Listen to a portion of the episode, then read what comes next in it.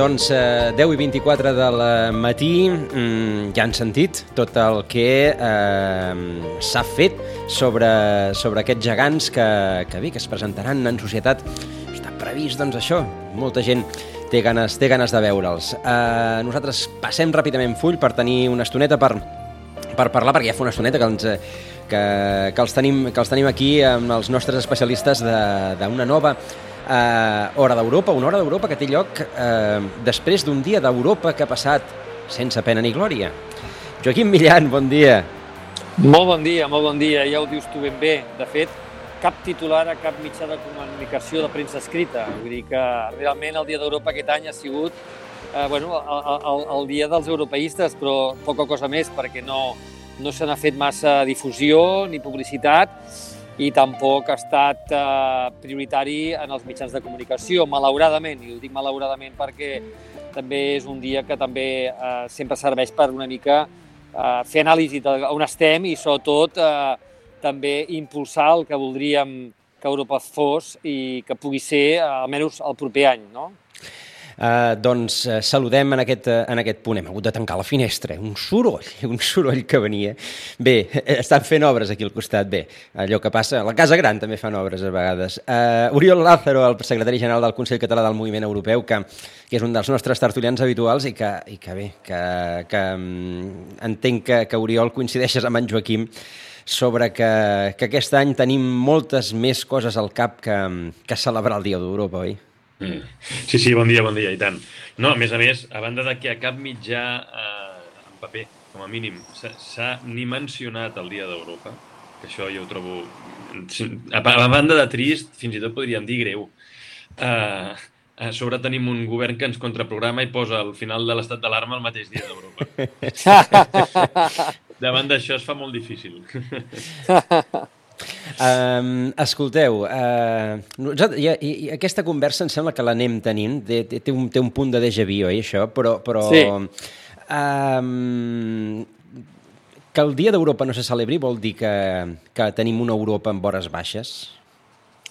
Bueno, jo crec que hi ha dues coses. Tenim una Europa amb hores baixes, cert, certament. De fet, ja ho veiem els últims temps. Vull dir, no és casual que que una part de la ciutadania europea votés a marxar, al, refereixo al Brexit, per tant, el projecte europeu ja no és tan seductor com havia estat eh, en una època, però també és veritat que ens trobem també una mica en un moment, eh, diguem-ne, jo diria inclús global, d'hores baixes en general per la pandèmia i també la pandèmia ens ha fet d'alguna manera eh, veure alguns dèficits que teníem a tots nivells i també a nivell europeu. I, per tant, també jo penso que aquest europeisme, eh, d'alguna manera eh, voluntariós, o aquest europeisme de que poder Europa ens aportava alguna cosa més enllà, un valor afegit, doncs ara no, el, no ho sabem veure, malgrat eh, tots estem esperant, per exemple, els Next Generation, tots estem esperant que Europa ens salvi, que Europa ens recuperi, que el futur de, de nosaltres mateixos aquí a, a Sitges, al Garraf, a Catalunya, a Espanya, a Espanya passa per, per, per Europa, passa per aquests Next Generation, per exemple, eh, com un exemple clar i contundent, però en canvi no som conscients eh, d'aquest sentit de pertinença o de, de què hauria de significar per nosaltres eh, el projecte europeu. No? I jo crec que a vegades estem en un contrasentit. Uh mhm. -huh.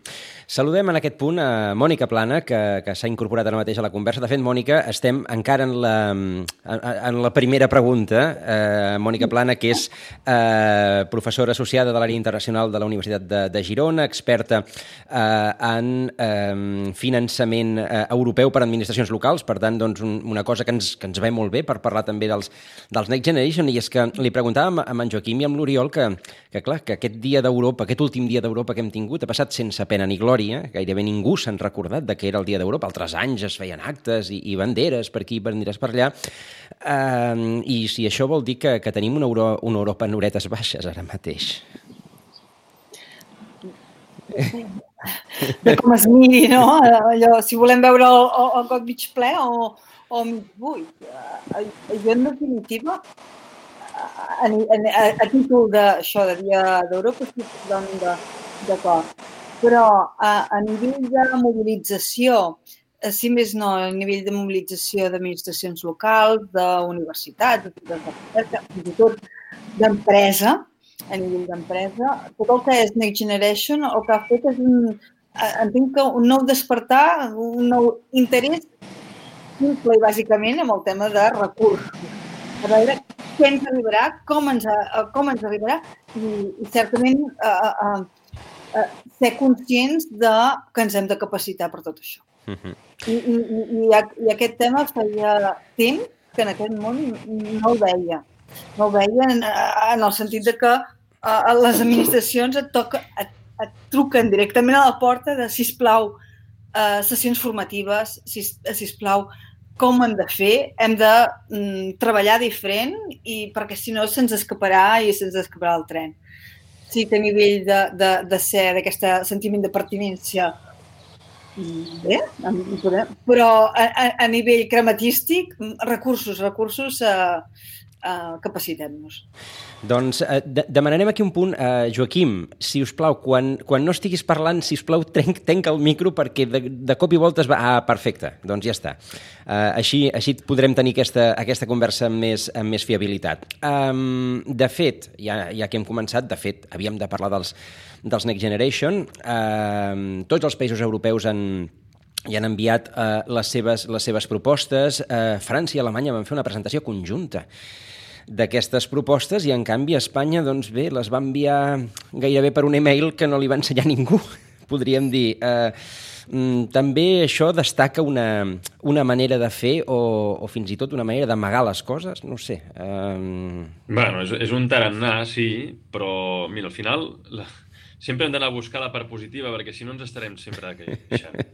I la part positiva és es va acabar enviant, això vol dir que s'han proposat reformes fiscals, reformes laborals, i ara, malgrat aquí no s'hagi explicat gaire, malgrat s'hagi enviat sense ni passar la versió definitiva pel Congreso, allà hauran de revisar-ho. I allà s'haurà de votar i hauran d'aprovar-ho. I, I si s'aprova vol dir que també es vigilarà que es compleixi. Per tant, malgrat es facin les coses d'una manera diferent a altres països i que potser ens agradaria assimilar-nos a aquests països que ho fan millor des del nostre punt de vista, eh, malgrat això, bé, la, la, la notícia positiva és s'ha fet i encara s'ha de revisar i hi haurà un control. Per tant, ens pot calmar una mica, això, mm -hmm. crec.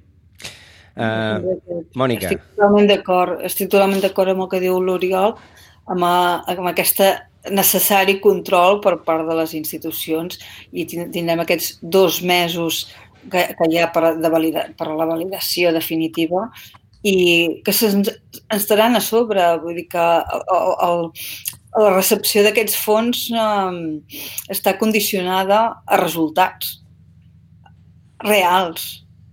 Per tant, hi haurà, hi haurà una fiscalitat real, un control real Mm, això, a nivell de, de, de resultat, de resultats, i per tant el que se'ns endevinava amb això, amb aquest pla que ha passat sense que el Congreso fins i tot um, arri arribava arribava en els, en, en els diputats uh, hores, davant, uh, hores abans de que poguessin de que ells intervenissin uh, uh, en el ple que haguessin de posar sobre la taula doncs, coses que no, no els al final no els hi, uh, no, els hi quallaven o no. Bé, bueno, aquesta autoritat superior que, que, que tindrà la, la comissió amb tot plegat crec que ens ha de donar més garanties perquè això s'apliqui també de, correcte, de manera correcta. Fins, fins aquí... Fins, uh, digues, digues, Joaquim. No, no, no, dic, jo només volia afegir que per nosaltres penso que és una oportunitat per tornar a generar una mica de credibilitat, eh, donada les circumstàncies que amb la gestió de, de, diguéssim, de fons europeus eh, l'havíem perdut una miqueta i tornar a tindre confiança o que ens tinguin confiança des de les pròpies institucions europees i també altres estats membres de la Unió Europea i recuperar reputació. Penso que és molt important la reputació. L'Oriol i la Mònica ho deien clarament. Hi ha països que la reputació se li dona ja per entesa perquè fan les coses, diguem-ne, diferent o des del nostre punt de vista millor. Jo penso que aquí tenim una oportunitat i, com diu la Mònica també, com que aquests fons estan lligats a, a, a contrarresultats, eh, per tant, estarem passant durant aquest període de temps que ve eh, exàmens constantment, eh, si no aquests fons no ens acabaran d'arribar. Um, el, que, el que anava, anava a comentar, mm, de la, de la mateixa manera que doncs, eh, el govern ha enviat aquest, eh, aquest dossier a Europa explicant molt poques, eh, molt poques coses, però aquest, aquest dossier, òbviament, l'hauran de, de, de validar des d'Europa, de, des quin paper tindran les, les administracions, eh, administracions locals, administracions eh, autonòmiques en la gestió, en el dia a dia d'aquests diners, quan aquests diners arribin, perquè clar, si no han col·laborat de manera gaire àmplia, tothom... Eh, eh, qui més qui menys ha fet una carta als Reis, però després no sabem si aquesta carta s'ha incorporat en, el, en la saca del, del camell. Eh, mm, quin, quin paper poden tenir aquestes administracions? Al final tot, tot es repartirà des d'allò de, des al quilòmetre zero. Sí, Sembla que sí, eh? que, que tot, tot, tot ha de passar per, per Madrid i des d'allà es decidirà més o menys, però això ha d'estar definit abans d'enviar els diners, uh -huh. teòricament. I s'està fent bastant soroll des del món local perquè hi hagi tot una part de diners que no només es quedi en el govern central, no només passi per les autonomies, sinó que pugui gestionar-se des d'entitats i institucions locals, tipus diputacions, consells comarcals i, evidentment, municipis. Però, clar, tot això està, en, en, com en Bassaroles, està molt verd, no està ben, ben definit, cosa que sembla increïble si ja s'ha hagut d'enviar un pla a Brussel·les. Uh, bueno, seguim una mica en el país de la pandereta, això és veritat. La, la part positiva segueix sent la mateixa, eh? que Europa no permetrà que es facin coses uh, així eh, mal fetes, no? I, i que tot haurà d'estar ben gestionat, amb una bona traçabilitat i amb uns projectes que, que estiguin madurs i, i se sustentin sobre bons projectes a veure, a veure si és, si és així, tant de bo, perquè realment es necessita que, tot aquests, que, que una bona part d'aquests diners passi pel món local, perquè al final serà una manera de que ens assegurem que capilaritzi bé a tota la població i arribi a tots aquells sectors que realment cal que arribin. Uh -huh. Mònica.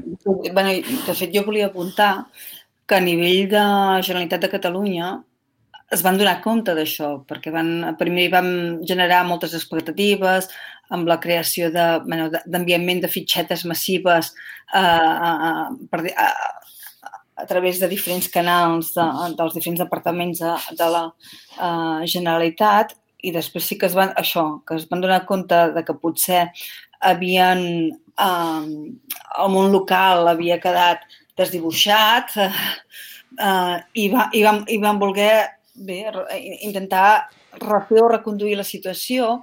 I eh, crec que era ja el mes de febrer que amb nota de premsa va sortir eh, el que era, bueno, ara en funcions, eh, Pere Aragonès i, i fins i tot a, a Ramon Tremosa, dient que la Generalitat de Catalunya estava apostant pel món local, a la recepció d'aquests fons eh, eh, Next Generation i que, per tant, tenien pensat la creació de dos consorcis vinculats a les dues grans prioritats de, de la Unió o d'aquests Next Generation en els propers eh, dos anys, en definitiva, el que seria eh, aquesta Europa digital i el que era la, aquest, la, aquesta altra doble transició en l'àmbit mm, mediambiental. Ara bé, també la, les circumstàncies especials en les, que, en les que es mou, mou actualment el Govern de la Generalitat de Catalunya ha fet que aquests consorcis encara no estiguin creats. Uh, per tant, no, i no sabem i no sabem si el govern el, el, el govern que entri o fins i tot, si ens anem a, a, a, al gran perill, seria mm, haver de concórrer a unes eleccions uh, uh, eleccions abans de formar un govern el mes de, aquest mes de, proper mes de juliol, mm, que això quedés en el no-res i, per tant, les expectatives que havien creat de reconducció de la, situació, de la situació a les administracions eh, locals que es podien sentir ja eh, escoltades simplement eh, certs precs, no? Aquests, eh, la creació d'aquests consorcis semblava que entre les seves funcions hi hauria la de fins i tot eh, intentar mm, les idees de projectes que sortissin de cada una, intentar-los eh, sumar per treure convocatòries específiques per a ells. Uh -huh.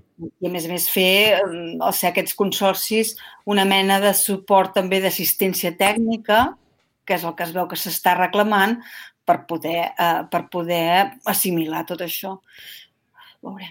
No, no hi ha un cert perill de que això no pugui acabar com una mena de plan Zapatero? Com... No, t -t si us plau que no passi això. I crec que és, és una de les coses que, que Europa, o sigui, la Comissió Europea, haurà d'estar molt amatent i vigilant. Però no, el, que, el que també vull dir és, mira, prescindir que puguin entrar a, en el joc la, els municipis que si fins ara només amb els fons que ja existien de tota la vida, que segueixen existint, ja no s'arribava a gestionar el 100%, no s'arribaven a aprofitar el 100%, sinó que ens quedàvem en el 70%, o a vegades menys i tot. Imprescindible que ara entrin molts més actors a, a, a jugar per poder tenir més projectes i poder abarcar tota aquesta quantitat d'inversió, de possible inversió, dic possible, perquè si no ho fem bé no arribarà, doncs hem d'intentar tenir els màxims actors possibles treballant per assumir aquesta capacitat de feina que se'ns ve al damunt.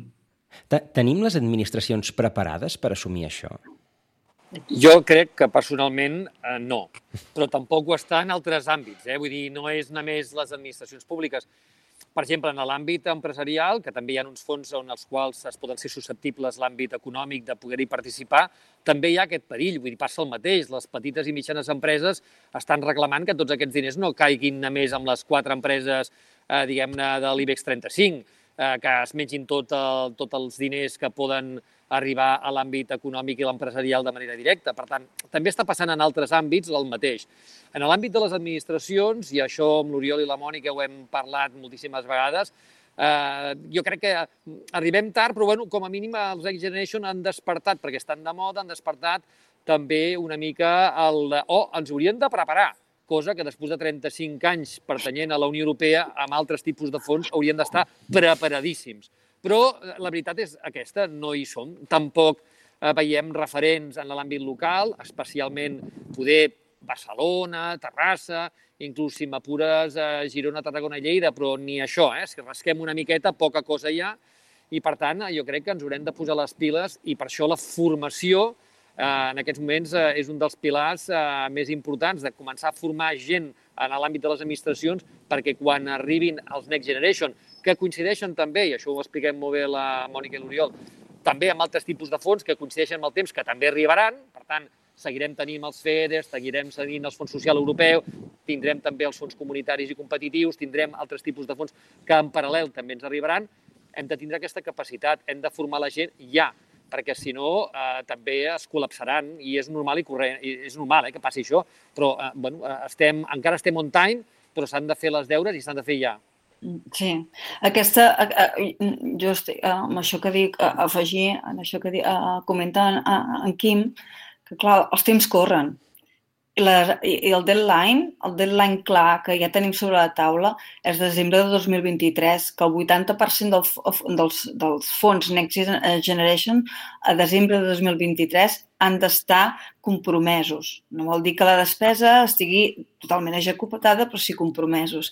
Si ens trobem amb aquestes vicissituds internes de formació de govern, etc, que, que fins i tot, això el govern de la Generalitat eh, acaba rebent eh, part de, de, de fons traspassats directament de, de, del govern central, Uh, sí, el mes de febrer ja estàvem parlant de constituir consorcis. Això queda paralitzat. Aleshores, quan constituirem els consorcis, eh, ens està correguent el temps, molt. I després estem veient, bueno, juliol, a setembre d'aquest any, consorcis constituïts i la sortida de les primeres convocatòries, eh, eh, haurem perdut pràcticament un any. Uh -huh. uh, per tant, en definitiva, aquesta pèrdua de, de temps a nivell de, de, de, de, de, de, convoca, eh, de convocatòries també és allò que deia a l'inici, no? ens ho podem uh, mirar. Uh, got mig ple o got mig, uh, mig buit, doncs mireu, ens podem preparar anticipar i com ens hem d'anticipar, doncs formar-nos i, i capacitar-nos uh, uh, uh, amb un temps que tenim afegit que no haguéssim volgut tampoc, però que, que hi és sobre la taula. Esmentava el Joaquim fa un moment eh, les empreses de l'IBEX. Eh, vam sentir en el seu dia que també, per exemple, SEAT eh, feia una aposta molt clara per una inversió que, aniria, que aniria també lligada eh, a la recepció eh, d'aquests fons. L'empresa privada eh, s'està preparant millor per, aquest, eh, per aquesta possible regada que, que no pas la pública? L'empresa privada s'està movent. La PIME s'està movent, però clar, les, els, els IBEX també. Uh -huh. D'acord.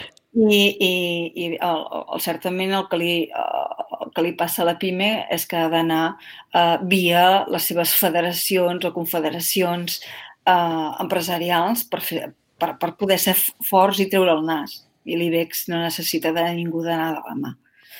D'entrada, Mònica... Estan fent, un gran recorregut, estan fent recorregut, és cert. Vull dir, estan posicionats, sí. estan fent moving, estan, ai, de lobbying, lobbying. Uh, però, però, lobbying, però n'hi ha uns actors mm, que estan molt avançats.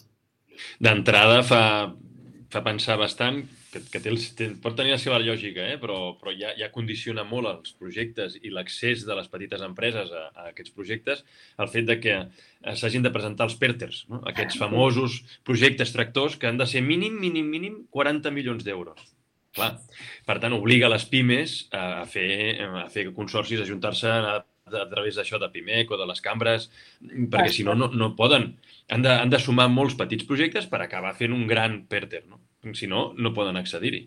Doncs ja és un primer, un primer pas que, evidentment, les, les grans empreses doncs ja no els hi cal, perquè, escolta'm, què, què diu que he de fer un projecte de 40 milions d'euros? Cap problema. Agafa el seu equip d'enginyers o el seu equip d'investigadors i diu, nois, eh, demaneu carta als Reis, com has dit tu al principi, diu, demaneu carta als Reis que, que amb una mica de sort això arriba. I vinga, ja tenen tot un equip de gent, a més a més especialitzats, que els estan fent la feina abans de, abans de que sortís ja pràcticament la llei de, que, que ha presentat el, el govern.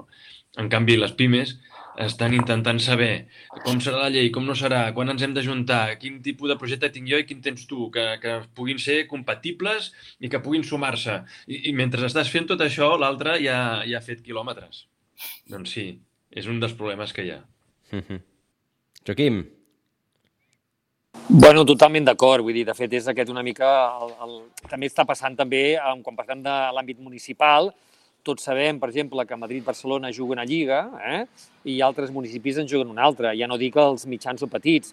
Tenint en compte que, a més, quan parlem d'àmbit de governs locals de Catalunya o a Espanya, no és el mateix que a l'àmbit dels governs locals altres estats europeus, on els governs locals, quan parlem de governs locals, estem parlant de de grans ciutats, etc. No? Vull dir, aquí també ens obligarà a fer unes aliances que poder a vegades eh, no han sigut tan pràctiques, malgrat, eh, és com quan parlem de la transversalitat, eh, que són les aliances territorials. És a dir, eh, possiblement, eh, si agafem, no sé, una comarca com el Garraf, que som sis municipis, poder ens haurem d'aliar amb el Baix Llobregat per segons què, perquè, malgrat som sis municipis, igual no podrem tindre un projecte suficientment atractiu i amb també eh, amb, un, amb un pressupost el suficientment important per ser competitius.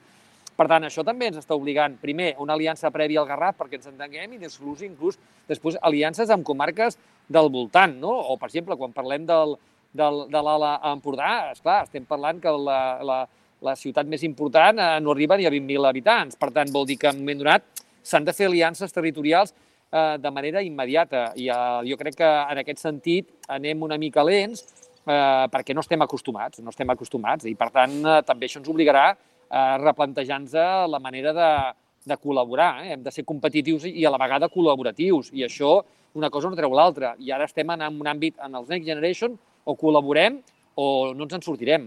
Anava a dir, no tenim aquesta cultura de la col·laboració gaire establerta. Va fent que no, la Mònica amb el cap, eh? Jo la no, veig. No, home.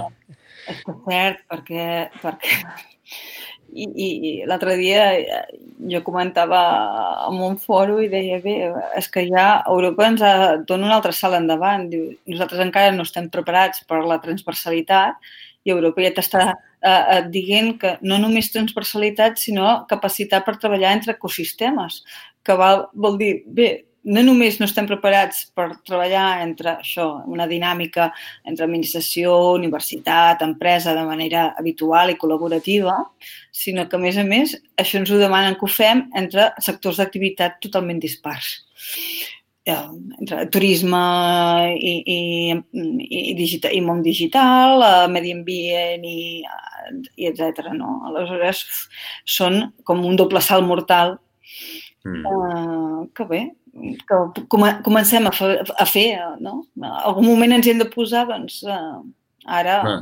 ara. Jo crec que el, el nom dels, dels fons, d'aquests fons que s'han treballat, eh, que seran eh, per primer cop s'endeuta la Unió Europea, que hi ha qui diu que pot ser una primera base d'una unió fiscal, però crec que això encara queda molt recorregut. Però el nom crec que és més que encertat, Next Generation. Estem parlant de deixar un món diferent als que venen al darrere. En el fons, el que ens està obligant tota aquesta moguda és a canviar la manera d'enfocar la societat hem de canviar-ho. Hem d'agafar aquells valors europeus que hi havia, que van, que van fer la fundació de la Unió Europea, d'on es basa, no? que és deixem de barallar-nos i creem una societat on entre tots ens estiguem més bé, on es respectin els drets humans. Val? Ara això agafa una dimensió nova, perquè el que sí que hem vist, que tal com hem anat evolucionant, el que fem és deixar enrere part de la societat, aquells que no entren, no? els que queden amb exclusió social, i això ja no es pot permetre, perquè comença a haver unes tibantors socials molt fortes. I per què, tal com, ha, com ha anat la, la, la, la pandèmia i com han estat evolucionant segons quins sectors, hi ha gent que fins ara podia ser classe mitja i fins i tot mitja alta, que estan veient molt a prop l'abisme i que estan veient com aquestes costures que estan tibant, al final a ells se'ls esparracarà i sortiran d'aquest benestar, d'aquesta roda que ens ha donat a tots un, un, un benestar, un estat del benestar, on viure tranquils i amb confort això o, o fem un canvi de mentalitat i tots plegats hem de dir que no quedi ningú enrere. Per tant, mm. escolta, hem de ser generosos. Generosos amb tot, amb els esforços, no només amb els diners. Eh? No, no hem de regalar diners, sinó que hem de ser generosos amb incloure a tothom en aquesta manera de treballar. I per això hem de salvar el planeta, però alhora hem de fer que els sectors productius tornin a generar benefici i tornin a generar economia. I alhora ens hem de, hem de fer que tothom tingui accés a tot això. Per tant, només amb les tres sectors que ha mencionat la Mònica ja, ja tenim unes sinergies necessàries, imprescindibles, entre digitalització, medi ambient i turisme, per exemple. Eh? Tot, són més que complementaris. O sigui, es necessiten l'un en l'altre ja. I fins ara no han treballat de manera conjunta mai. Hem de fer aquest salt mortal el més ràpid possible, però és que és imprescindible. Um, si Europa eh, doncs té, té gent trucant-la a la porta del darrere. Tornem a veure el drama de la, de la immigració a, a, a la Mediterrània. Si Europa té aquests dèficits eh, en alguns països especialment crus sobre, sobre la qüestió dels drets humans, de la, de, jo, de, de, de, de la justícia, de les eh, Polònia, Hongria, Espanya, Um, si Europa um, no s'ha posat d'acord en, la, en la gestió de les vacunes i, i ara estem veient tota, tota la qüestió aquesta d'AstraZeneca, uh, aquesta... Ara te'l dono, el temps mort, Mònica. Un apunt, un apunt. Vinga, fes-lo, fes-lo, va, abans que jo acabi, vinga. No, només el punt això que és, que és, que és reiterat, aquesta, uh, clar, tots els mals sempre d'Europa i, i, i, i, i, i, i totes les medalles a nivell d'estats. El tema de no, de un no acord amb el tema de vacunes és mirem-nos quina competència han, han otorgat els diferents estats a la Unió Europea en matèria sanitària. Aquí anava, aquí anava, avui, Mònica. Avui per avui, Europa només té competència de suport en salut. És ara en el marc de la COFE, per exemple, que interpel·la la ciutadania i veurem eh, què, què en surt, que potser si els estem dient a Europa, ostres, no us heu posat d'acord a les vacunes? Doncs, ostres, estat membres, doneu el poder a Europa perquè puguin acordar de manera conjunta. O sigui, Europa ha fet molt més del que inicialment es podria dir que permeten estrictament la lectura dels, dels tractats, sí. Tractats. Mm -hmm. uh, però mm, precisament aquí anava, Mònica, és a dir, uh, uh, si, si Europa doncs, s'ha construït amb, amb aquestes, amb aquestes mancances evidents, mancances en, en política migratòria. En, en vam parlar en aquest espai durant molt de temps. Eh, mancances, doncs ara, ara s'ha vist també en, en polítiques sanitàries.